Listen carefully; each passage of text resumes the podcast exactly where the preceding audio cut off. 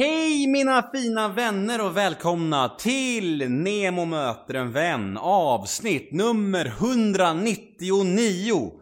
Denna vecka gästas jag av ingen mindre än Maria Montazami. Och innan vi börjar dagens podd vill jag slå ett slag för mina föreläsningar. Mm. Nu till hösten ska jag åka ut en ny sväng och besöka städer runt om i Sverige och dra min livshistoria. Jag har gjort det här tidigare, det har mötts av väldigt fin respons och eh, vill ni att jag kommer till just er skola, till just er arbetsplats eller till just er ungdomsgård Gå då in på min hemsida, där finns all information. Jag kommer mer än gärna till er och ja, jag tror att min livshistoria kan hjälpa och kan inspirera och jag eh, vill gärna komma och möta fler människor. Det är fantastiskt givande, fantastiskt kul, så hoppas ni vill det. Så kanske vi syns i höst. Och sen vill jag självklart också slå ett slag för min självbiografi som nu går att köpa på Bokus eller Adlibris. Det är bara att gå in och söka på mitt namn där. Och om ni beställer den nu så får ni den först av alla när den släpps den 24 oktober. Och inte nog med det, ni kommer även att få ett signerat exemplar om ni beställer den redan nu. Och kanske även en liten personlig hälsning från mig. Mm, hur låter det? Ganska fint va? Så gå in och beställ min bok på en gång. Då skulle jag bli väldigt, väldigt glad. Det är någonting som jag har jobbat med i ett års tid, mitt livsverk och ja, skulle betyda otroligt mycket för mig om ni ville lägga en beställning helt enkelt. Dagens podd då, Maria Montazami. Mm, denna fantastiska kvinna. Hon är ju, hon är ju helt unik. Det är ju väldigt, väldigt... Eh, ja, jag vet inte vad jag ska säga riktigt. Första gången jag såg henne på TV så trodde jag nästan att det var en karaktär hon spelade, för hon är väldigt speciell. Men eh, nu när jag träffade henne så fattar jag att hon är exakt så. Hon är väldigt varm och mjuk och lite Alltså om hon beskriver sig själv, hon är lite som Ior i Nalle Puh, och det tyckte jag var ganska träffsäkert. Väldigt kul. Jag träffade Maria på en liten pressdag inför nya säsongen av Hollywoodfruar som har premiär imorgon på TV3 och via Free. Eh, och ja, det blev ett fint samtal. Jag tror att ni kommer gilla det här också. Jag tycker vi hade en fin kemi och eh, ja, jag hoppas ni kommer tycka om det här.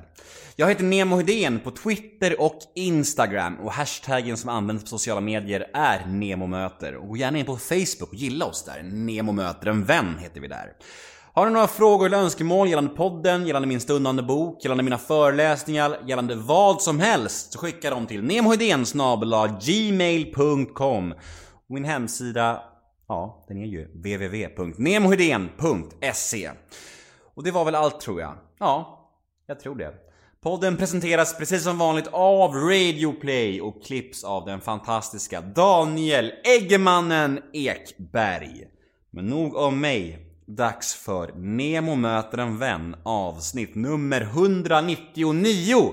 Gäst Maria Montazami. Rulla gingen. Nemo är en kändis, den största som vi har. Nu ska han snacka med en kändis och göra honom glad. Yeah! Det är Nemo är en kändis, den största som vi har. Nu ska han snacka med en kändis och göra honom glad. Yeah! Funkar Det har det? varit väldigt intensivt. Så, Ja! Nemo möter en vän med Maria Montazami. Hej! hej Nemo. Hej Maria! Kul att vara här. Jättefint att få en stund med dig. Hur, hur mår du? Eh, ja, det är faktiskt upp och ner nu. Nu har jag varit här i Stockholm snart en vecka. Spenderat halva tiden med Anna Anka för att promota Svenska Hollywoodfruar. Så ni kan ju tänka att mitt, min vecka har varit upp och ner också. Ja, alltså jag tänkte faktiskt på det. Eh, vi är ju på ett hotell i Stockholm här där ni har haft någon slags, kan man säga pressvisning eller vad kallar man det egentligen? Ja, nu är, nu är det ju så många fina ord, så nu heter det influencer, frukost Ja. och så då förtidspremiär på eh, Svenska Hollywoodfruar, det första avsnittet. Och jag har inte sett det heller. Men eh, det var fart och fläkt i det. Vad är din reaktion av det första avsnittet då? Ja, men det var ju det var frulunchen, det var jag som hostade. Och då fick vi den här överraskningen att Anna Anka ska vara med i den här säsongen. Och då tänkte jag, åh nej. Men fast hon är som hon är så tror jag ändå att hon har lite rätt i att det kan bli en en, en lite mer friskare fläkt. För hon vågar ju lite mer, hon är ju ganska obnoxious, vilket inte är min stil. Men om hon vill ta på sig den biten, go for it girl. Jag menar, gör det du känner att vi- vill representera mig. Skulle jag bete mig så, åh, jag skulle säkert vara lika ensam som hon är idag. Jag tänkte på det nu när ni hade en liten intervju, dels inför de här influencers som var inne och sen även en intervju jag såg med er i Aftonbladet TV igår eller förrgår. Och ni börjar tjafsa, nästan hela tiden gnabbar ni och jag blev så här hur orkar du med henne? För det känns som att hon är på dig väldigt mycket och jag tänker bara så här, blir, blir inte du ledsen till slut? Eller tar inte du illa upp alls? Eller hur, hur funkar du med sånt? Det som är... Folk, jag är ju som jag är, ganska, du vet lite sådär Eeyore, Nalle Puh, Polan. Det låter ju hemskt som man säger åsna, för det är det sista jag är. Men jag menar, nej jag bryr mig inte. Och det betyder inte att jag är okänslig eller att jag är helt, fattar ingenting. Jag fattar väldigt snabbt, men jag kan se genom henne, och det här har jag sagt redan från första avsnittet när hon var med, att hon är så osäker. Har man ett sånt behov av att vara så elak, då är man osäker. För jag har själv varit elak när jag var ung och var en lite, lite av en bully. För att jag var nervös jag var, kände mig väldigt osäker, otrygg. Och jag vet hur det där funkar, men jag har kommit över det. Och, men hon har inte det än. Ja, det är verkligen speciellt, för ni är verkligen varandras motpoler på något sätt. Ja, verkligen. Och eh, när jag såg dig första gången på TV, det är väl, vad är det, nio år sedan va? Jag tror att det är nio år sedan, ja. När du stormade in i svenska folkets hjärtan på något sätt. Och då trodde man ju nästan, eller i alla fall jag trodde på något sätt att du, att du spelade en roll. För du var så himla mjuk och du vet, ja men du är väldigt speciell men på ett positivt sätt tycker jag. Du är väldigt så här harmlös och, ja sådär, som du säger, lite Ior. Eh, och det var nästan så här, hon må, det här måste vara uttänkt, det här måste vara konstruerat. Men när man träffar dig sen så märker man ju att det är ju så du är bara. Jag är exakt likadan. Pratar med händerna, flänger med håret. Men jag kan också vara väldigt, väldigt kul. Jag är, eh, jag har, älskar, jag menar, jag är så otroligt lång också, så när man spelar in TV så blir jag alltid sådär lite awkward, du vet, sneda vinklar och lite framåtböjd. Men när jag är i mitt verkliga liv så blir folk väldigt eh, Oh my god Maria, du är ju precis som du är på TV, vad lång du är. Så, ehm, nej men jag är faktiskt som jag är. Jag kan ju också bli arg och flippa av någon människa på motorvägen om någon cut me off till exempel. Men att hela tiden gå omkring och säga hur jäkla ball jag är och cool och rik och titta vad jag har och jag älskar dig Maria. Det är ju kanske lite väl. Det behovet har jag inte. Men om det händer någonting i programmet säger vi, när ni spelar in som du verkligen känner så här, fan det här vill inte jag ha med i programmet. Har ni rätt att säga till om det? Har ni någon talande eller är det bara, är ni liksom köpta att ni måste ställa upp på det mesta då? Uh man vet ju ungefär vad man säger, ja man vet vad man säger, men ibland kommer det ut sådana saker, oh my god varför sa jag det, det var ju ganska onödigt. Och speciellt i synkarna, du vet, har- sitter man där ungefär en halvtimme och pratar, ja men Maria berätta, vad tycker du nu om att Gunilla gjorde så här? Ja vad tror ni jag tyckte? Men jag menar, jag kan ju inte säga, jag vill inte säga att jag, om jag tycker någonting är jättedåligt, man kan ju liksom säga det ändå på ett fint sätt och få fram sin mening. Men om du råkar säga något som du ångrar dig, får du ens chansen att säga kan ni skippa det där? Eller hur, det kanske inte funkar så eller? Man säger, kan ju, jag har sagt det några gånger till inslagsproducenten, oh my god, ta inte med det här. Men du vet, hon kan ju ha glömt det, Ja. det struntar väl hon i när hon har åkt hem från mitt hus. Men eh, hittills har vi klarat mig ganska bra, eller hur? Ganska bra, Ja. får vi säga. Okej, men såna här dagar, eller såna här veckor som just nu, när det är bara massa press, bara media, är det bara stressigt eller är det väldigt kul också? Det är jättekul. Jag kan inte tacka svenska Hollywoodfruar, alla fans. Fy vad den här resan har varit kul. Vi, jag menar, vi snackar nio år. Allt jag har fått gjort, uppleva, allt från att ha varit med. Jag har gjort så mycket som jag nästan har glömt och jag... It's crazy. Jag är jättetacksam och jag ställer gärna upp på... um, intervjuer och du vet med fans och skriver autografer. För det, att vara hemma en vecka och kunna bjuda på sig själv är det minsta jag kan göra när jag får så mycket tillbaka. Mm. Jag tänkte ju först egentligen så här att jag skulle intervjua dig och Anna ihop, men det hade ju inte gått. Nej, det hade inte gått. Hennes höga, skarpa röst och skratt. Tänkte, nej, jag pallar inte. Men så är hon så jäkla gullig på något sätt också. Så jag har ju träffat henne när det är bara hon och jag och du vet, man sitter kanske och väntar i the green room innan man ska gå in någonstans. Är det skillnad då? Det är helt skillnad. Fan vad tråkigt ändå. Ja, så, och sen kommer den här svängningen. Så det var ju det jag säger att det, lite är kanske lite osäker attityd. Mm. Jag vet inte. Men när du är hemma en sån här vecka då eh, i, i Stockholm, är det, eller hemma säger jag, jag, det blir ju hemma på ett sätt i alla fall. Är det hotell som gäller då, eller har du en lägenhet här också? Jag önskar att jag hade en lägenhet för att, jag menar vi är ju sex familjemedlemmar och nu är mina barn stora. De var ju här och firade midsommar i somras var på fotboll och fick uppleva allt det där som jag gjorde när jag var ung. Men det blir faktiskt hotell.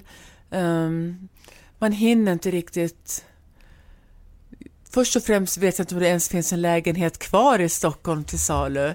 Men jag, jag skulle vilja ha en lägenhet här, men just nu blir det hotell. Men det betalar ju TV3 så det är lugnt. Ja, det är helt okej. Jag sparar mina pengar och sparar ihop till ett hus. Det är bra det. Hur gamla är dina barn nu? Eh, Sara är 27, Hanna är 24, Emma är 21 och Nikolas fyllde precis 20. Det här kanske är en dum fråga, men har du några barnbarn än? Ja, jag har ju barnbarn då loss, eller vad, vad, vad säger man på svenska, bonusbarnbarn. Ja, något sånt. Cameron gjorde ju en kvinna med barn när han var 18 Mm. år och fick då sin dotter som heter Leila. Och hon har fyra barn. Oj! Så vi är faktiskt eh, mor, mor, nej, morfar och mor, nej, vad blir jag? Mormor, ja, till fyra barn. nej men gud, jag, jag måste ju tänka, det är ju inte mitt, min Nej, jag dotter, vet, jag ja. vet. Men du har och inga morfar. blodsliga barnbarn Jag har inga blodsliga barnbarn. Finns det en längtan efter det? Jag kanske inte riktigt än. Jag menar, jag vill se Sara och Hanna eftersom de äldst nu blomstra och kunna köpa sitt första hus eller lägenhet och, och kunna vara med sina pojkvänner och kanske gifta sig. Jag vill att det ska gå ehm, kärlek, giftermål och barn. Jag, jag, Mm. Den jag, gamla skolan helt enkelt. den gamla skolan, tyvärr så blir man väldigt, väldigt amerikaniserad när man har varit i USA i 31 år. Man blir lite gammalmodig att man ska gifta sig och, och allt det där. Eller, för jag vet ju själv hur det är i Sverige, det är ju lite annorlunda. Mm. Lite mer eller, lättsamt, eller så, man tar inte så mycket på Den här kärnfamiljen håller ju mer och mer på att dö ut, i alla fall i Sverige. Men i USA är det inte så, då är det verkligen Nej. tvärtom. Men gillar svenskarna det verkligen? Jag tror att det mer är så att man bara börjar acceptera det. Att det börjar bara bli så. Det är väl inte folk... Ja, Jag har ingen bra svar på det. Eh, Jag har själv en liten, liten dotter med en tjej jag är inte ihop med och det funkar väldigt bra. Jag tänker att det fungerar väldigt bra om man har en fin relation och sätter barnet först. Då fungerar det. Men är man folk som tjafsar och har det kämpigt, då är det ju inte alls liksom bra. Såklart. Så det är väl, jag vet inte, både och såklart. Eh, Men vad kan du sakna mest med Sverige när du är i USA? Finns det någonting som du känner att fan, det där vill jag komma hem till och... Ja, självklart är det ju familjen och sen de vänner som man har kvar sen skolgången. Jag, eh, och maten såklart. Kanske inte så mycket vädret. Nej. Ja, men det, det funkar. Jag har till exempel den här gången, vad säger, nu är det slutet av augusti. Ser du en jacka i mina två enormt tunga resväskor? Nej. Jag packar aldrig jackor, för jag hoppar från bil till bil, hotell till hotell eller evenemang till evenemang. Så det blir ju väldigt intensivt. Men eh, det skulle vara kul att kunna komma hem och bara vara hemma på semester, gå och plocka lite krusbär i någon trädgård, du vet. Det saknar jag ganska mycket. Äger du någon varm jacka? Ehm, ja, det gör jag faktiskt. Ja, du ser. Ja. Den frågan har du aldrig fått förut va? Nej, jag var tvungen att tänka till. Utan fasiken. Nej, men jag har varma jackor, men all, de, de är lika nya som när man har köpt dem. Oanvända. Yes. Du är född i Västerås 1965 va? Ja, Vad, vad var det för ställe att födas in i Västerås på 60-talet? ja, Västerås har väl alltid varit en ganska vild stad, en ganska rolig gemenskapsstad. Jag flyttade ju hem, mina föräldrar skilde sig när jag var fem år, så då tog min mamma mig och min syster Katarina ner till Skåne. Så då gick vi själva de yngre åren i Skåne och sen flyttade vi tillbaka till Västerås. Så jag gick på hög, eller högskolan, eh, vad heter det? Ja, Grundskolan? Ja, grundskolan och gymnasiet. Ja. Och sen åkte jag då till USA efter det. Mm. För att jag skulle bli rik. Så jävla skönt! Ja, Skön och ärlig, helt Ja. ärlig. Ja, jag menar jag sa till mamma, nu åker jag till USA. Jag har till och med det på papper. Jag skrev det att nu åker jag till USA för att bli rik. Du får inte gå händelserna i förväg nu. Ja. Vi ska Nej. stanna lite i barndomen Ja. här. Eh, Om du kollar på din barndom och minns tillbaka den, minns du det som en lycklig barndom? Från och till. Jag saknade så otroligt en pappa. Jag var så sotis på kompisar som kunde Pappa, pappa kan jag få 10 kronor? Du vet, men min pappa kan skjutsa oss eller min pappa det och pappa det. det. För mig räckte det inte bara med en mamma och vi har ju en jättebra kontakt. Jag har ingenting att klaga på henne. Men jag ville ha en pappa, en pappa som var trygg, som kunde snickra och som kunde göra alla de där manliga sakerna. För då när jag var ung, då var det ju man är man och kvinna är kvinna. Nu är det huller om buller. Alla ska göra allt. Eh, Jag tycker fortfarande att det ska vara man och kvinna. Jag vet att det är jättegammaldags och så tänker man inte, förutom jag då. Jag tycker det är lite fint att du är, men det är också väldigt amerikanskt. Men det är liksom, du bor ju där, vad ska man säga? Det är Ja, det är det jag säger. Det är Ja. kanske därför jag har blivit omställd. Hade jag bott i Sverige, jag kanske hade varit en byggnadsarbetare Ja, kanske. med en stålhatt på huvudet. Vem En sån vet? gul. I know, och sån gul väst. Men när träffade du din pappa sist? Ja, Jag träffade han nu när jag var på eh, bokmässan i Göteborg för min andra bok, så det var väl kanske fyra, fyra år sedan. Stilig som tusan, lång och stilig och tysk.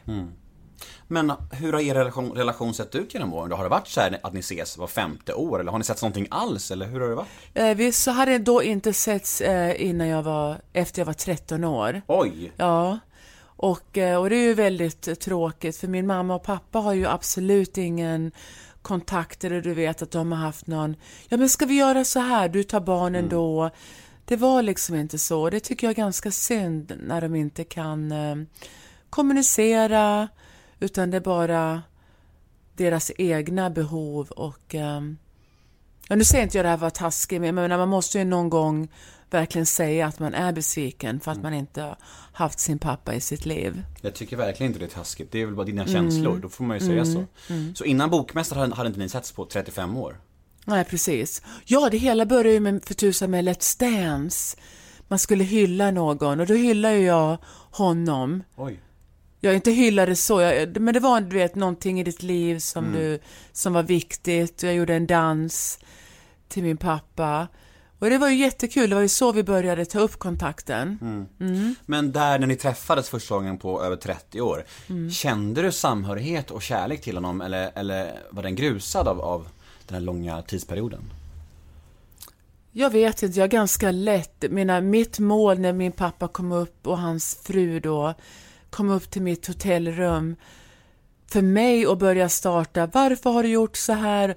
Helt onödigt. Det som har hänt har hänt. Han har aldrig gjort mig något illa, men han har ju, kanske inte heller bidragit någonting i mitt liv eftersom han har varit absent.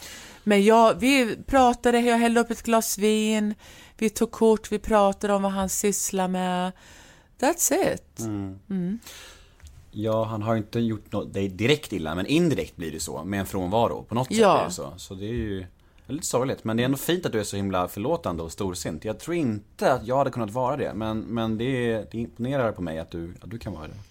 Men vi återgår lite till din barndom då, din skoltid. Eh, hur, hur minns du plugget? Kul. Jätte, jättekul. Um, Hade du lätt för det? Jag vet inte om jag hade lätt för mig. Jag, vid den tiden var jag väldigt osäker och jag tror ändå, om man nu ska tänka efter, jag behövde en mamma och pappa. Jag behövde någon som stöttade mig, som liksom gav mig, det här klarar du Maria. Vi, du vet, du ska se hur jag är med mina barn. The Montesami Rocks, kom igen nu. Det här provet klarar du Nicolas eller Sara och du vet, family meetings om någonting går fel eller om någon är ledsen i familjen. Jag menar kom igen, jag menar, har man barn måste man ta ansvar. Kan liksom inte bara släppa dem och, och sen behöver ju barn lite olika. Vissa barn har jättelätt för sig och känner sig trygga och vissa är inte det. Så jag ger allt för mina barn och att de ska vara ett säkra och jag vet att de känner sig jättesäkra. Vad tänkte du om livet när du eh, kom upp i åren här? Högstadiet och kanske gymnasiet. Vad, vad hade du liksom för planer och drömmar och ambitioner? Vad... Ja, men när man tittar tillbaka på alla mina vännerböcker man har skrivit, det är ju allting från ballerina till hästryttarinna, tränare till eh, stjärna. Du vet, man vill ju bli allt sånt som var som man hade drömt om när man var liten. Men sen när jag började i gymnasiet, då var det ju så väldigt populärt att jobba på en bank. Jag tänkte, gud, jobba på en bank, det skulle vara drömmen. Du vet, man tog sidojobb, plockade jordgubbar, mm. kanske var, eh, vad heter det, jobba på någon restaurang, stod och gjorde räkmackor på morgonen. Men sen då de kompisarna man hade som skulle jobba på en bank, de hade fått sommarjobb på en bank. Jag var svart av avund. Och det var kanske så jag tänkte att jag ska bli rik. Mm. För att um, jag vill också känna mig viktig och ha ett bra jobb. Det är ju ganska konstigt och lite naivt dock att tro att man ska bli rik för att man är nära pengar. Ja, precis. Ja, precis. Jag vet inte hur allt det där kom, kom in. Men jag hade en mormor som jag var väldigt nära som hette Anna och hon prenumererade på nästan varenda dagstidning, eller sån här, vad heter det, skvallertidning. Så hon och jag satt ju och bläddrade i tidningen och tittade på kungen och Silvia och drottning Victoria, eller prinsessa Victoria. Ja, prinsessan Victoria. Drottning Silvia. Ja. ja. Drottning Silvia och prinsessan Victoria. Men jag menar, det var ju så, åh, vilket härligt liv. Mm. Tyckte det var så kul att läsa om alla stjärnor. Det fina är att du kommer liksom undan med sådana här felsägningar. För att du, dels så hör det till din personlighet och dels så är du ju, är du amerikan. Så du, liksom, det är ja, lugnt för dig liksom. I know. Man, man glömmer faktiskt väldigt mycket och det blir fel ord men um, till slut så funkar det. Men det var ju några år där emellan skolans slut tills du drog till USA. Du drog när du var 22 tror jag, eller hur? Mm, jag skulle precis fylla 22. Mm. De här åren i början på vuxenlivet då, hur såg de ut? De var... Efter jag gick ut in i, på gymnasiet så jag och min kompis Jessica vi liftade ner till uh, Marbella. Oj! Till Spanien. Vilken grej! Jättestor grej. Vi liftade, ett tag liftade vi med två olika lastbilschaufförer. Hon satt i en lastbil och jag satt i en och sen stannade de för vi skulle fika och hade en sån här lång kniv, 30 centimeters kniv och satt och hyvlade ost. Mm. Jag menar, fattar ni vilken tur? Jag har aldrig varit med om någon, något sånt där konstigt eller sexuellt konstigt och det är jag väldigt, väldigt tacksam för. Men frågan är om du hade liftat den här sträckan själv? Tveksamt va? Ja, det kan vara tveksamt. Ja. Men jag har alltid haft tur när det gäller sånt och jag tror att det är jag folk vet att hit men inte längre. Jag tror jag har en sån uh, Don't get too close to my bubble. Men du är ganska lång också. Du, alltså, du är mm. liksom, jag tror du kan spöa upp de flesta männen som försöker ge sig på dig. Ja, precis. men det är ju alltid kul att höra när någon visslar och du vet, säger snälla kommentarer. Sånt tar man ju jättegärna emot. Mm. Men hit men inte längre. Det är bra det. Yes. Det är bra. Sätta gränser. Yes. Helt rätt. Uh, så när du var 22 så skrev du en lapp till din mamma att nu är det nog. Nu sticker jag mot pengarna! Yes. Var det så? Det var verkligen så. Jag köpte min biljett, jag skulle vara au pair, min syster var här, jag skulle hälsa på henne, hon hade varit Eller, hon hade varit, gått i skolan, utbytesstudent i ett år. Jag var så taggad, tyckte det var så kul. Jag kuggade körkortet dagen innan. Passet kom på brevlådan samma dag jag skulle åka. Alltid sista minuten med allting. Men eh, jag kom. Och eh, du vet, jättekul. Jag, hade, jag var väldigt osäker såklart. Tänkte, vad är det här för stort land? Och man kände sig kanske lite ensam. Men jag är en survivor och jag, eh, jag gick min väg. Men när du stack till USA, var planen då att du skulle stanna där permanent? Jag visste inte riktigt, jag tänkte jag kommer ju bli någonting, jag tänkte, undrar vad jag kommer bli. Jag, jag visste att jag skulle bli rik, det var liksom mitt mål, inte för att Mm. pengar var så viktigt, men jag ville leva ett gott liv. Så jag började ju då med att planera inför ett år, jobba hos en familj, lära sig sven eller engelska. Jag fick ju ganska dåligt betyg i engelska, för jag var väldigt nervös och kände att jag kunde inte riktigt uttala. Och det kanske jag inte heller riktigt kan än. Men, ehm, men, men det var i alla fall mitt mål. Så jag var au pair i några månader och eh, slutade då hos en familj där pappan gjorde droger och de bråkade. Och det är inget liv för mig. Så jag tog mitt pick och pack och stack. Och då hade jag 50 cent i min plånbok. Eller i fickan, kanske inte ens hade en plånbok och en stor du- duffelbag med smutsiga kläder. Jag tänkte nej, ska jag åka hem eller ska jag stanna? Tänkte jag stannar. Och så gjorde jag det. Hur lång tid tog det från den där sekvensen tills du träffade din man Cameron? Då tog det kanske, det här kanske var i, måste kanske ha varit i juli, augusti, september och jag tror jag träffade Cameron i september. De där månaderna innan då, vad gjorde du då? Du bara drev runt och... Nej, absolut inte. Då bodde jag hos en annan kille. Det var en svensk tjej som jag lärde känna. Och ehm, Hur träffades du och Cameron då? Och var det instant love? absolut inte instant love. Han var den, jag tyckte han var den hårigaste människa jag någonsin har sett. Jag hörde då om den här svenska tjejen som heter Marlene som jobbar på den här restaurangen. Ja, men gå dit och ansök. Sure, sa jag. Och så gjorde jag det. Och så kom en sån här liten busboy fram. Kan jag hjälpa dig? Ja, jag skulle vilja ha en ansökan. Okej, one moment ska jag hämta vår chef. Och så sprang han in och skulle då hämta Cameron och Cameron sa, ja men ge henne bara en, eh, en ansökningsapplikation. Nej, you gotta see this girl. Så då kom Cameron upp till kassan och inom tio minuter var jag anställd. Och det var inte för att jag var snygg eller för det var jag säkert inte. Men det är någonting som jag kanske har som han tyckte var kul. Så jag blev anställd. Hur lång är han? Cameron envisas med att han är kanske en centimeter längre än mig. Vilket Stämmer han det? inte... Stämmer nej, det? nej. Han har, han har sträckt på sin hals så många gånger. Och han vet att jag är längre och jag har alltid högklackade skor. Men han bryr sig inte. Nej. Han har vant sig nu. Kom igen, 31 år tillsammans. Alltså du verkar så... Du verkar så svårkränkt, har jag rätt där? Kan man ens såra dig och göra dig ledsen? Eller är det bara så? Ja. Hur, hur gör man det? Alltså det, nu vill jag göra det, det är det nej, sista nej, jag nej. vill. Den som vill såra mig, det är, det är att... Oj, en båt. Ja, vi sitter här nere vid, eh, vad heter det, Strandkajen, heter det Ja. Hotell Strand. Ja.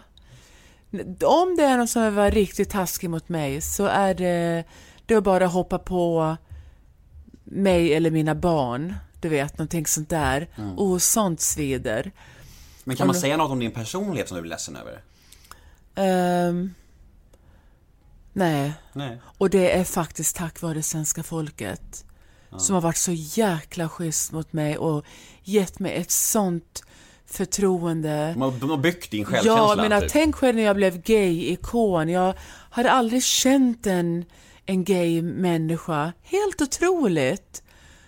Och de, min första intervju med QX, den där tidningen. Och de frågade mig, vad skulle du tycka om någon av dina barn? Jag tänkte, ja, självklart skulle jag ju älska dem lika mycket. Och det var liksom en jättestor vändningspunkt för mig. Head over to Hulu this March, where our new shows and movies will keep you streaming all month long. Catch the award winning movie Poor Things, starring Emma Stone, Mark Ruffalo, and Willem Dafoe. Check out the new documentary, Freaknik The Wildest Party Never Told, about the iconic Atlanta Street Party. And don't miss FX's Shogun, a reimagining of the epic tale, starring Anna Sawai. So, what are you waiting for? Go stream something new on Hulu. Hmm. Fint. Hmm? Hmm. Var den nya Sibylla början gå eller? God. Alltså, critics are calling it sensational. One beef burger, one brioche bread, two slices of cheese, roasted onions, and five pieces of bacon. Working Hallå? As one with only one mission. Alltså, Jag undrar bara om den var god. Va? Epic. Prova Epic Cheese and Bacon, en 150 grams burgare med extra allt. Nu även med tryffelsmak. Välkommen till Sibylla. Ha det gott! Välkommen till Däckteam! Nya däck. Oh. här! Rätt däck. Och där! Snyggt! Ha! Ja! Där satt den! Easy peasy. Mindre ljud och mer körglädje. Välj tysta däck från Goodyear. Däckteam. Vet vilka däck du behöver. Okej, eh, men vi hoppar fram i tiden Ja. lite, lite grann. Eh, när du första gången fick förfrågan om svenska Hollywoodfruar, eh, vad tänkte du då? Jag tänkte exakt det Anna sa, att de, vi fick framställt att det skulle vara en liten dokumentär om svenska kvinnor som lever i USA. Eh, Jag tänkte, ja vad kul, och jag tänkte man kunde visa skolan, du vet hur, hur det funkar med skolan för barn och det ena med det andra. Men sen när de sa att, showen kommer heta Svenska Hollywoodfruar, jag tänkte, åh det låter ju lite B. Och då ville jag inte vara med, men sen blev jag med i alla fall. Och fram tills dess, alltså från du träffade Cameron på den här arbetsplatsen. Hade du eh, ditt liv då, ni hade fått många barn och sådär, men hade du jobbat mycket då eller var det mycket housewife-liv bara? Nej, jag hade jobbat, jag tog min mäklarexamen, klarade mig första gången, vilket gjorde mig väldigt glad, för då vet jag att jag fortfarande har en och annan cell kvar i huvudet, för det var ändå ganska svårt. Ehm, och sen jobbar jag, jag har jobbat lite överallt. Jag jobbade på en, ehm, en restaurang, jag jobbade i gallerian, jag jobbade som mäklare. Men sen sa Cameron, Maria, jag tycker du ska vara hemma. Tänkte, vara hemma? Ja, men det, vad ska du göra ute? Men verkligen som man tänker, va?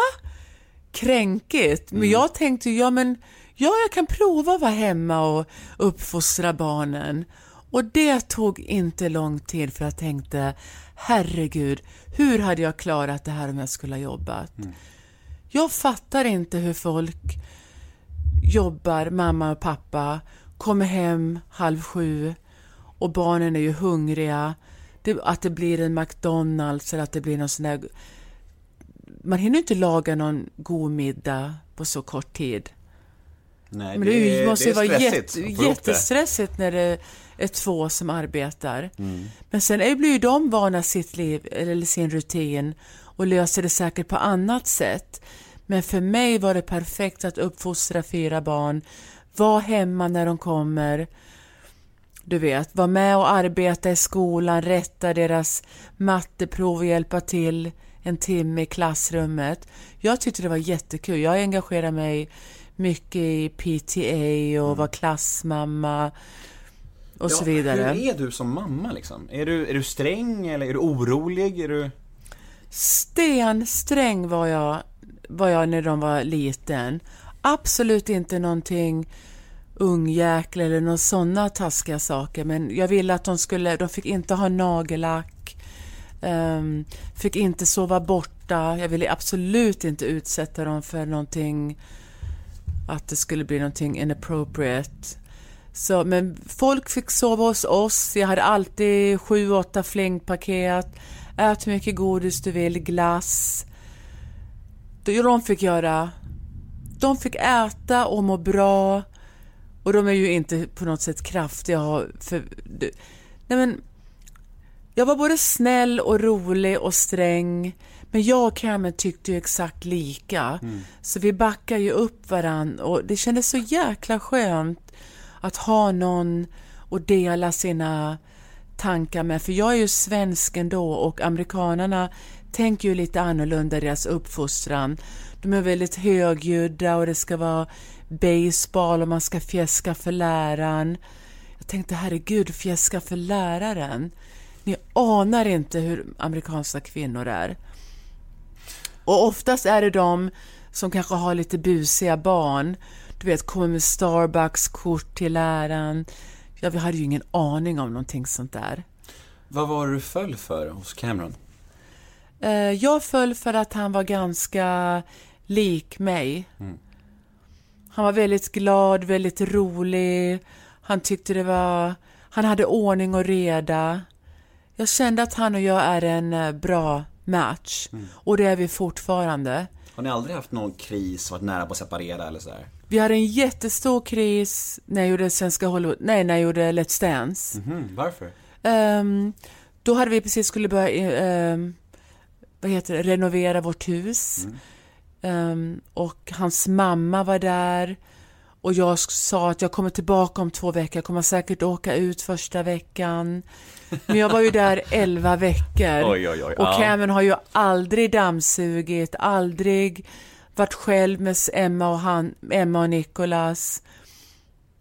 Och han är uber-orolig, du vet. Han är jätterädd att något ska hända. Så det, det blev helt fel. Och sen då alla skriverier och... Nej, det, det var lite svårt. Jag kan tänka mig det, vilken omställning. Ja, verkligen en omställning. Ja, roligt. Eh, men alltså hur tog han det då? Alltså med tanke på att du gick från att vara hemmafru och ta hand om barnen och lite i skymundan till att bli liksom Du blev ju superkändis i Sverige och verkligen klev in i liksom strålkastarljuset i svenska folkets hjärtan där för nio år sedan. Hur tog han den omställningen? Att liksom, plötsligt var det allting som handlade om dig? Han har aldrig sagt ett elakt ord om svenska Hollywoodfruar eller måste du göra det eller det är dum, vilken dum serie. Han har, han har alltid varit stöttande och det säger jag verkligen ärligt. Han tycker det är jättekul, han, han, har inget, han har heller inget behov av att vara känd eller du vet, måste vara med och bestämma och sådär. Men det var jättesvårt just då under Let's Dance. Och jag tror vi filmade ganska snabbt efter jag kom hem från Let's Dance också, så det var nog den tråkigaste säsongen att göra. Försökte vara lite vänner och vi var jätteosams, så det, det tyckte jag inte var så kul. Har du ett behov av att vara känd? Nej, men behovet att jag har att inte vara känd, det är ju kanske för att jag är det och för att jag har så jag har ju bloggat i alla år, jag har en god vänskap med mina bloggvänner. Du vet, jag har bloggträff varenda gång jag kommer hem.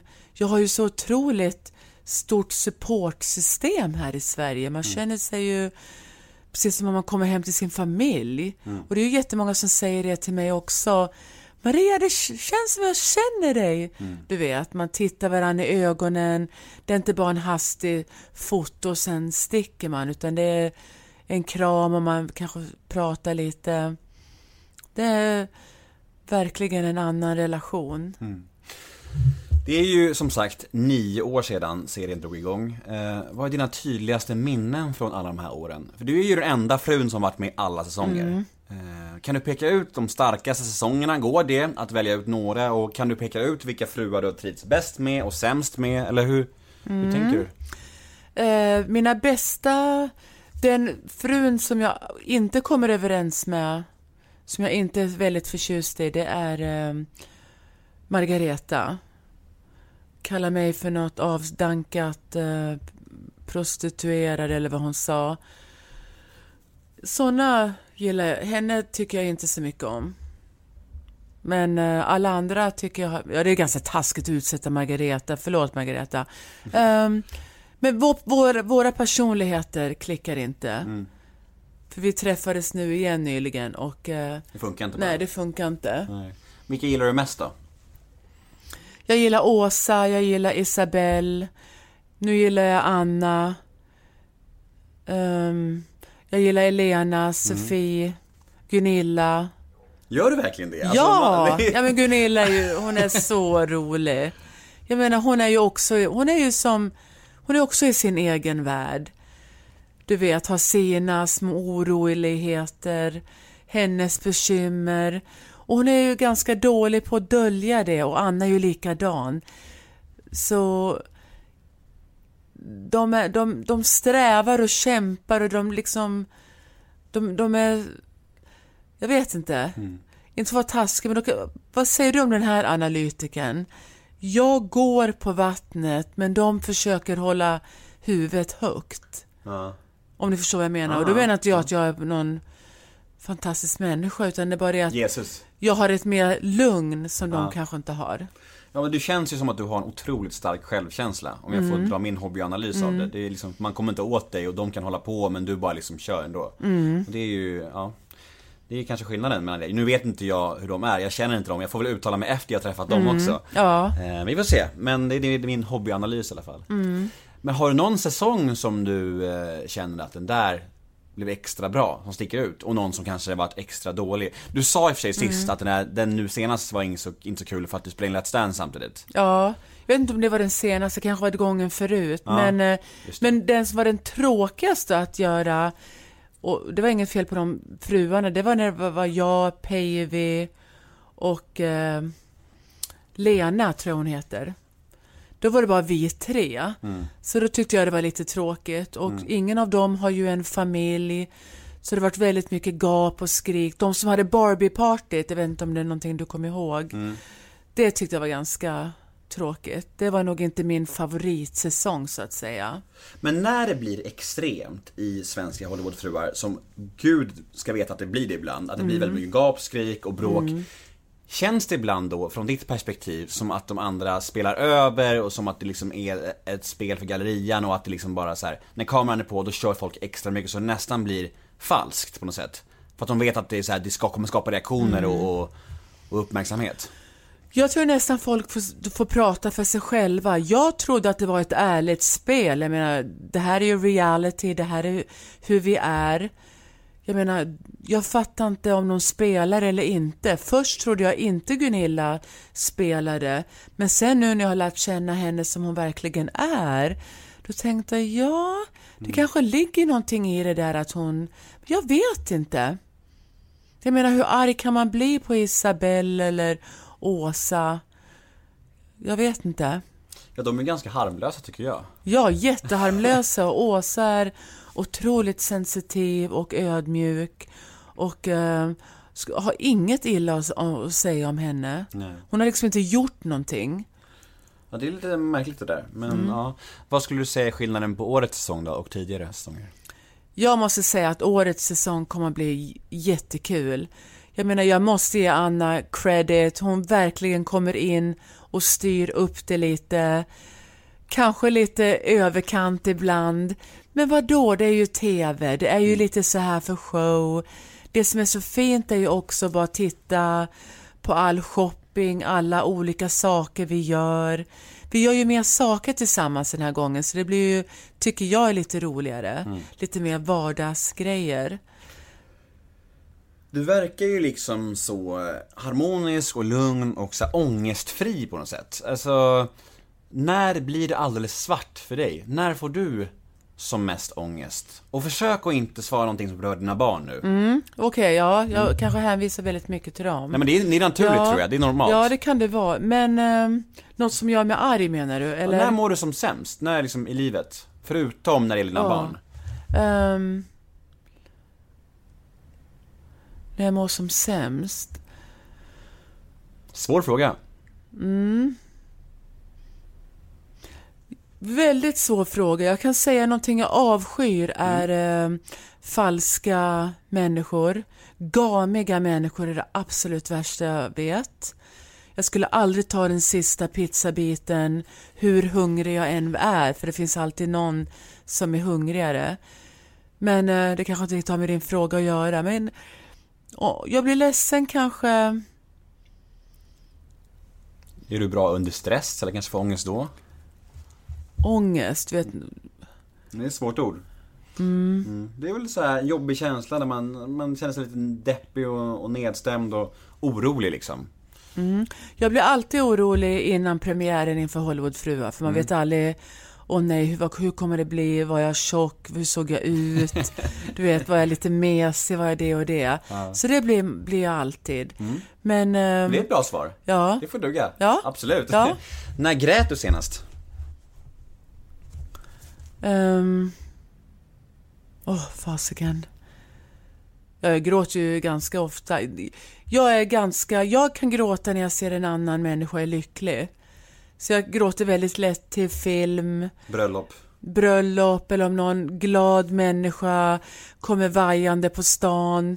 Du vet en stor stickad tröja och jättestora bröst som står rakt ut och en konstig väska. Och så är hon jätteglad. Jag menar sånt. Ja, det är helt otroligt. Eller om någon håller något fint tal eller ja, sånt tycker jag. Jag gråter väldigt sällan för att jag tycker synd om mig själv. För då tänker jag alltid att kom igen Maria. Livet Men du är- är, fantastiskt. Men du är inte så här som gråter när du har bråkat med din man typ? Absolut inte. och ja, hallå där, Nemo. Ja. Eller Nemo. Jag och Cameron har inte bråkat sen i september förra året. Mm. Fattar du? Ja, det är bra jobbat. Ja, vi har ju kommit på en ny grej som vi nu... som Berätta, jag- berätta för oss. Dela med dig. Ja. Vår nya grej är att eh, Cameron tyckte då ett tag att jag inte... Maria, du bryr dig inte om mig. Jag jobbar och jobbar och du vet, du ligger alltid på soffan när jag kommer hem och du det ena med det andra. Jag sa, Cameron, ligger på soffan, du kommer ju hem halv nio eller halv tio och då ska jag upp och hoppa med mat och vara glad. Ja, men det, det, det funkar liksom inte. Vad förväntar han sig liksom? Ja, verkligen. Och jag säger, jag tycker inte heller du bryr dig om mig, du tar aldrig ut mig på date night. Så det var lite sådär stressigt. Då sa vi så här. Varför gör vi inte så här? Jag lagar mat till dig måndag till fredag och du tar ut mig på dejt lördag, söndag. Då vet du att när du kommer hem finns det mat och jag är här och på helgerna så vet jag att jag kan klä upp mig, hoppa in i Ferrarin och kör ut och bara äter och lyxar och så har det kul. Kör, sa han. Och sen har det gått sen i september och vi har haft så jäkla kul. Sen kom jag på att eh, söndagen är ju en familjedag ändå. Så jag flyttade fredagen och lördagen till date night och så har vi söndagen tillsammans. Så jag tjänar en dag där. Så nu lagar jag mat måndag till torsdag. Listig. Yes, En gemensam uppryckning alltså, som gjorde, Ja. som gjorde succé. verkligen succé. Och vi, vi håller på, ja men så där tycker jag också, säger jag till Cameron. Du vet, det är som man rullar över som en hund och man kliar han på magen. Han, och jag kanske är extra schysst och säger ja vilken bra idé. Och han tycker det är så kul att höra. Det är bra tips till alla där ute som har, har en lång relation i bagaget och kanske vill, ja, krydda upp det lite liksom. Ja precis, eller vara på samma våglängd för en gångs skull. Verkligen. Vad har du för rela- relation till alkohol? Eh, Den är väldigt stark. Det är ju ett annat liv när man är i USA. Man kanske går och tar en lunch. Och ska, vi, åh, ska vi ta ett glas vin? Eller när man lagar mat, du vet solen skiner, man är, är i trädgården. Och har man då en man som kommer hem, du vet om jag lagar mat kanske vid fem, tar ett glas vin. Tänk dig då när klockan är nio. Då har man liksom, ja var är han? Så det är ju det jag har sagt till Cameron att kom hem så vi kan vara tillsammans. Och nu har jag ju försökt att komma hem också under veckan. Så vi kan sitta ute i trädgården och kolla på TV och, och mysa. Mm. Men hur ofta är du full? Full är jag inte, jag, är ganska lättfotad så att säga. Så det är jag får såna googly eyes efter första glaset. Är det sant? Ja, Oj. och det värsta är att jag dricker så himla fort och det är vatten, juice, vin, allt slinker ner. Bara rakt igenom. Rakt igenom. Men eh, full och vingla och hålla på och slåss och sånt, det gör jag absolut inte. Men du vet, och man är ju oftast med sina kompisar och har festen och man, du vet, det är väldigt oskyldigt. Ja, jag förstår. Eh, Jag har ett litet segment här som heter sex snabba. Det är mer så här, det är lite snabbfrågor. Du ska bara svara så snabbt du kan liksom. Eh, Det dyraste och onödigaste köpet du har gjort? Har du någon sån här grej du köpte som var svindyr som du sen aldrig använde? Ja. Berätta. ehm, det är ganska mycket. Jag kan tänka mig det. Ja, men jag kan tänka den här väskan, om du, om du ser den här väskan som ligger bredvid mig. Ja. Den här Gucci-väskan som ser ut som en um, gymnastikpåse. Ser du det? Har Ja, sån här ja. dragstring. Jag köpte den nu på flygplatsen när jag var i LA. Mm. Jag tyckte inte min Odd Molly-väska riktigt passade för jag hade en extra väska. Jag tänkte nej, jag tror inte jag kan ha den här Odd Molly. Ehm, så jag gick in på en Gucci-affär och sa, ja men jag, jag tror jag tar den där väskan. Jag menar, tänkte inte ens fem minuter. Och den kostar 2000 dollar och jag tänkte, det är ju nästan, 20 000? ja. Och jag tänkte, vad fan, en Gucci gymnastikväska. Och då tänkte jag, det var, det var ganska onödigt. För jag menar, oftast när man köper någonting fint, då kanske man tittar och jämför. Det är mycket roligare att göra sådana inköp.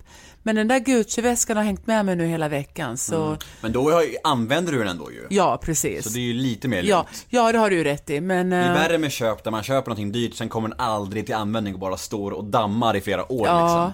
Har du något sånt? Ja, det har jag säkert, men jag har ju så jäkla dåligt minne. Så... Ja, vi går vidare, det är okej. Ja, du tack. fick svara ändå, det är Yes, lugnt. Tack. Eh, vad är du beroende av?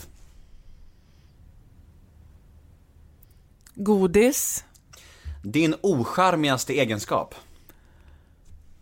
Att jag håller på att fläkta med håret hela tiden. När fick du någon annan att gråta senast? S- säkert något av mina barn. Osäker vem. Vem borde svensk media skriva mindre om? Ehm, Du kanske inte har så bra koll på svensk media? jo, det har jag. Jag läser Aftonbladet. Mm. Vem är du trött på att läsa om? Ehm, ja, vem är jag trött på att läsa om? Jag tycker de varierar sina saker ganska bra. Mm, Då så. Faktiskt. Tycker du att det är någon som, är det någon som svenskarna tycker skrivs mycket om? I perioder så kan det väl vara, alltså Anna Bok var det ju en period. Och sen var det Kiki Danielsson en period. Eh, alltså ibland blir det extremt på vissa. Mm. Ja. Nu, Bi- Bianca Ingrosso är det ju extremt just nu. Ja, Eh, men det där går ju oftast över så det går liksom i faser. Så Ja. du har nog rätt. De, de kanske, de, Jag by, de byter i alla fall de ibland. byter i alla fall. Ja. Fast det kanske är då lite mindre roliga människor. Sveriges bästa och sämsta politiker. Vem är bäst tycker du? Jag tyckte ju såklart Olof Palme. Ola Ullsten, alla såna gamla som var när jag var ung. Eh, jag, har ju, jag har träffat Stefan Löfven? Löfven och träffade Annie igår. Löv? Ja, med på, ehm, som är Centerpartiet. Vad mysig. Snäll, jätte, jättesnäll. Och ehm, jag är så himla arg att inte jag visste att, att, att jag skulle behöva ansöka för en röstsedel. För då hade jag också kunnat rösta. Vad hade det blivit då? Vet inte, men jag tycker svensk politik är faktiskt väldigt kul och väldigt lätt jämfört med den i USA. Tänk er att rösta där. Helt otroligt. Är du för eller emot Donald Trump? Emot. Bra. Eh, jag har ett segment som heter ett ord om också. Det går ut på att jag ser fem stycken svenska kändisar som brukar skapa reaktioner hos människor. Har du bra koll på svenska kändisar? Ja, då borde du ha koll på de här också. Eh, du ska bara säga det första ordet som kommer i ditt huvud när du hör namnet. Okej. Är du med? Ett ord om Alex Schulman. Snygg. Ett ord om Marcus Birro. Åh, vet tyvärr inte riktigt vem han är. Förlåt. Sara Larsson. Duktig att sjunga. Det är inte ett ord. Nähä. Um, kaxig. Jimmy Åkesson. Åh, är det Demokraterna? Åh, rädd för honom. Det är också flera ord vet du. Ja. Um, kax. Ja, det sa jag redan sagt. Um, awkward. Leif GW Persson. Ka- nej. Tro, tror han vet allt. Eh, Tänk om du hade svarat kaxigt tre, Ja, tre gånger i rad där. Ja, men du, du har ju valt sådana människor. Och hade du sagt Jan Guillou, då hade jag verkligen sagt kaxig. Ett ord om Leif GW Persson, vad fick du till där då, sista? Kaxig. Ja, så det var tre kaxiga av fem möjliga. Det är ändå bra. Eh, avslutningsvis så ska vi damma av några lyssnarmail. Är du med? Hej Maria, hur stor skillnad är det på betalningen om man jämför eh, första säsongen med årets säsong? Alltså jag antar att de menar Hollywoodfruar. Åh, så, ja, ja, okej. Ehm, ja, men det är ju som vanlig inflam, inf, inflammation. Inflation, den ökar. Eh, hur, alltså du får inte säga några summor fattar men mm. snackar vi miljoner nu eller? Jag får inte säga någon summa. Men vi kan säga så här att jag är miljonär. Grattis till det. Tack. Kul. Du har råd med Gucci-väskor. Ja, som man köper på fem minuter. Det är väldigt kul att vara impulsiv och rik samtidigt, det är en bra kombination tycker jag. Yes. Nästa mail. Hej Maria! Om du ska jämföra Anna Anka och Gunilla Persson, vilka likheter och vilka skillnader finns det på dem? Skillnaden är, kan jag säga direkt, är deras stil. Anna är ju väldigt flashig och eh, hon är väldigt... ehm, hon säger kanske mer... Hon är lite mer min stil på något sätt. Och inte för att vara taskig mot Gunilla. Jag, jag tror jag skulle tro lita mer på Anna än... Jag tror båda är lite luriga och eh, kanske små ljuger lite ibland. Nu kanske det här är väldigt taskigt men, eh, men det tror jag ärligt. Så eh, man får liksom justera sin... Eh, vem tittar du på? Någon där ja. Det stod någon utanför Ja. dörren bara. Ehm, nej men kan vi ta om det? Ja, jag- absolut. Vi, tar, vi, vi, vi kör frågan igen.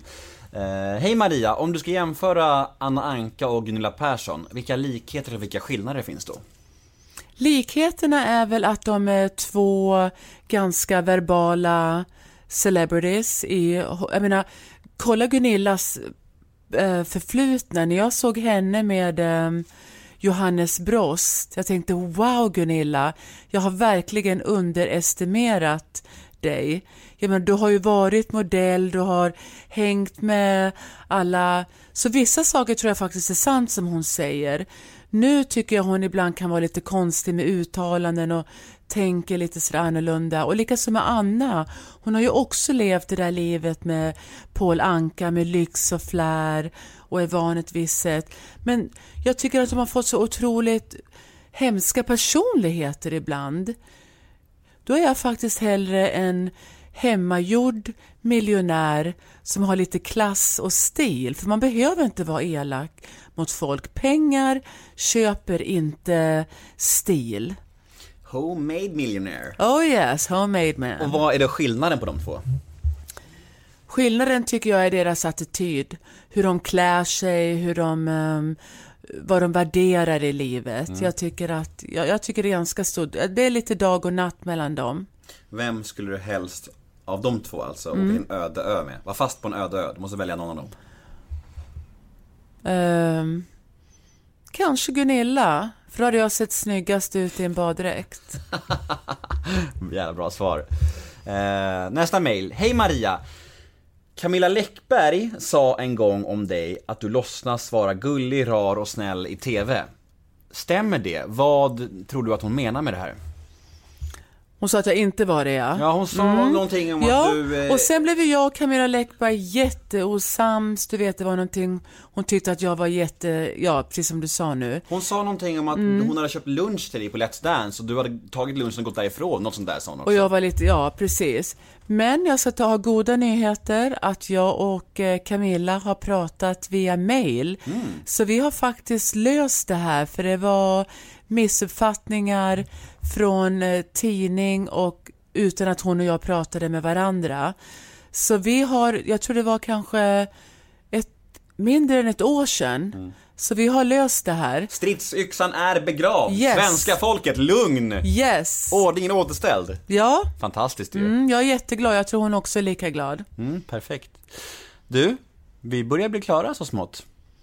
Det var så lätt att prata med dig. Jag, har, jag kollade upp dig och ser vilka otroligt intressanta människor du har pratat med. Så du har en talang att ehm, få människor att prata på ett enkelt sätt. Gud, vad glad jag blir. Mm, Tack. jätteduktig. Det, det betyder jättemycket för mig. Och jag är jättetacksam att jag fick träffa dig. Du är precis lika härlig som jag trodde. Eh, nu sitter vi varandra och klappar varandra om ryggen här. Men så får det bli ibland. Ja, jag vet. Så får det bli. Va? Klubben för inbördes beundran. Yes, yes. Är det något du vill eh, tipsa om eller ha sagt eller puffa för innan vi rundar av? Nej men jag tycker verkligen att missa inte Hollywoodfruar. Eh, Eller titta på något avsnitt för det är ändå ganska kul att se hur, hur en svensk har blivit amerikaniserad, för det är ju det vi har blivit. Både på gott och ont. Stort tack till dig Maria Montazami för att du ville vara med. Tack så jättemycket. Hej då! Hej då!